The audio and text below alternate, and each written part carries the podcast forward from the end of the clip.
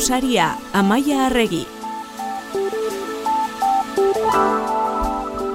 Gaur gurekin Amaia Arregi Donostia International Physics Centerreko zientzialaria eta komunikazio teknikaria. Kaixo Amaia, ongi etorri eze moduz. Ondo, ondo. Gaur eh, naderren teorema eta divulgaziozko komikiak eh, izango ditugu izpide gaurko tarte honetan.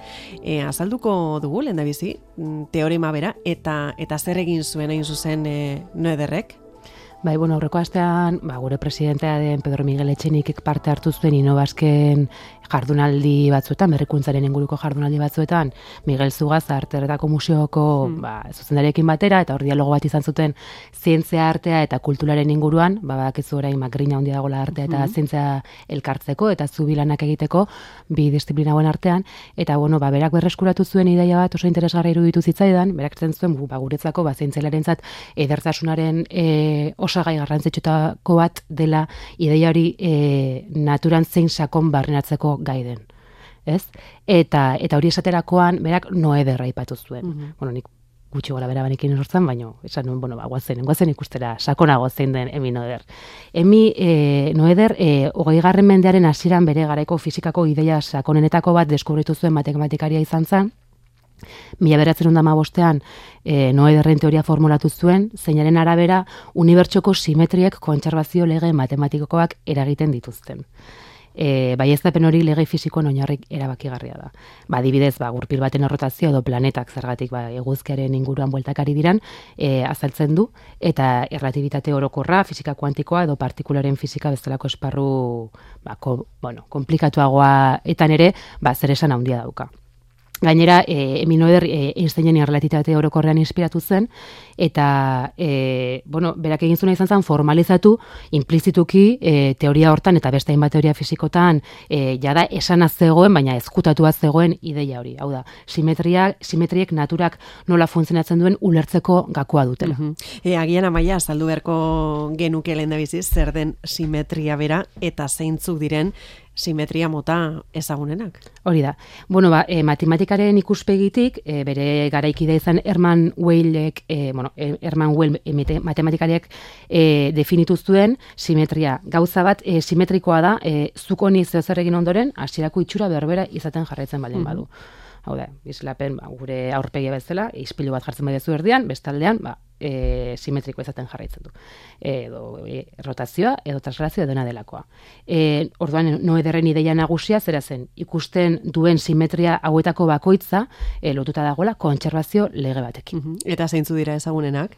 Bueno, adibidez, ba, simetria traslazionala, oza, gu ezkerrera edo eskubira mugitzen baldin magera, edo gora edo bera mugitzen baldin magera, e, sagarra berdin eroriko da, ezta? Ba, hori momentu linearen konservazioa da, adibidez e, beste bat, errotazio simetria. Ba, zirkulu batean, biratzerakoan simetria mantentzen baldin bada, hau ange, e, momentu angeluarraren konservazioa da. Eta oso ondo ikusten da sist, eguzki sistemaren inguruan. Ba, barruan dauden planetak, osea, momentu angeluarraren konservazioaren ondorioz, barruan dauden planetak azkarrago mugitzen dira, ba, Merkurio, Venus eta bar, eta kanpoan daudenak askoz ere polikiago, ez? Mm. Neptuno edo dena delakoa. Eta gu, gure planeta berare, traslazioan, eguzkira gerturatzen geranean, azkarago mugitzen gara. Hau, momentu angeloaren konservazioa da. Mhm. Eta hori hori oso baliagarria izan da, ez? Hombre, ba, gukarapen guztiontarako. Eta gero gainera, ba, simetria denboran ere, adibidez. E, txorakiri ematen du, baina benetan oso ideia sakona da. Osa, e, atzera edo aurrera egin arren, gauza bat berdin mantentzen baldin bada, horrek du energia e, konservatzen dela. Eta bueno, hori ba, Einsteini esker nahiko ezaguna egiten zaigun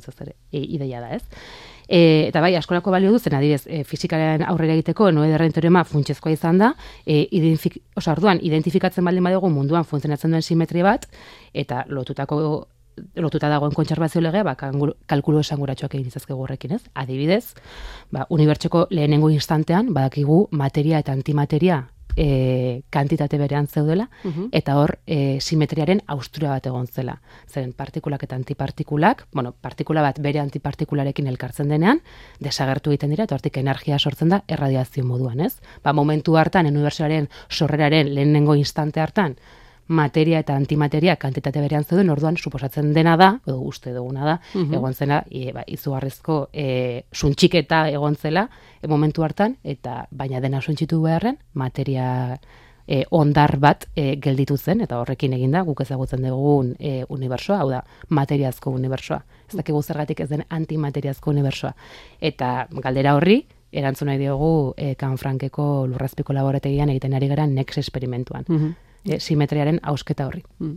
Ikusiko dugu ba, em, zer ematen duen esperimentu horrek, gaurkoan e, zientzia eta artearen ustarketa horrek, eman digu e, e, nuederre hobeto ezagutzeko e, tenorea, baina Horrez gain, amaia, gaurkoan egin nahi diguzu proposamena etxeko txikienei e, zuzendutakoa.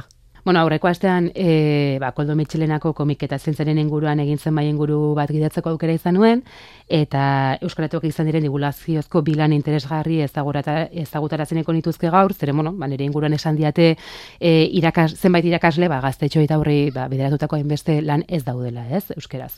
E, bueno, ba, lehen da bizikoa, zentzararia bilduma da, e, Jordi Baiarri marrazkilari eta gidoilariak autoeditatutako auto bilduma da, eta e, historiako zentzelaria handien biografiak berreskuratzen ditu. E, ba, horien artean Hipatia, Galileo Galilei, Ada Lovelace, Pasteur eta beste zenbait. Amabi liburuzkatera dira e, orain arte. Eta hortarako zesikeko taira lanuzaren e, e, laguntza izan du, e, beraz zintza historian aditua da, eta bueno, ba, e, dokumentazio lan e, mardula egin dute e, hori alde batetik. Eta bestetik, ba, X Ventures, gorputza krisian, e, manga komikia, e, oso komik sarritaletxe katalanak e, demora bat darama, e, manga komiki japoniarrak katalanera eta gaztelaniara itzultzen, eta duela gutxi lerro editorial berri bat ireki dute e, ba, divulgaziozko, bueno, divulgazio zientifikozko manga argitaratzeko. Zeren Japonian oso ohikoa da, e, ba, komik alburu didatikokin erabiltza, ba, historia, zientzia edo dena delako ikasteko. Gainera liburu honek, bueno, eta estrenatu dute e, hildo berri hori liburu honekin eta bueno, oso liburu arrakastatxoa izan da mundu mailan, zeren 10 milioi e, ale saldu ditu dagoeneko eta bueno, orain euskaraz ere edukiko dugu. E, bueno, kontatzen diguna ba, e, lagun gaz, e, gaztetxo lagun talde bat nola ba, Darwin doktorearen gorputzen sartzen da, ba, txikitu eta mm bere gorputzen sartzen da, eta e, arnaz eta lizirik eta aparatua e, ezagutzeko aukera edukiko dute e, gainera zortzi urtetik aurrera dago gomendatua, beraz, pues, bueno, e, nahiko divertigar, oza, nahiko ez, oso modu divertigarrian ikasteko aukera gorputzaren aparatu sistemen inguruan. Eta biak esan duzu euskaratuak. Bai, hori da. Tira, ba, ba proposamen horik e, eginda, em, asteari begira zer, amaia?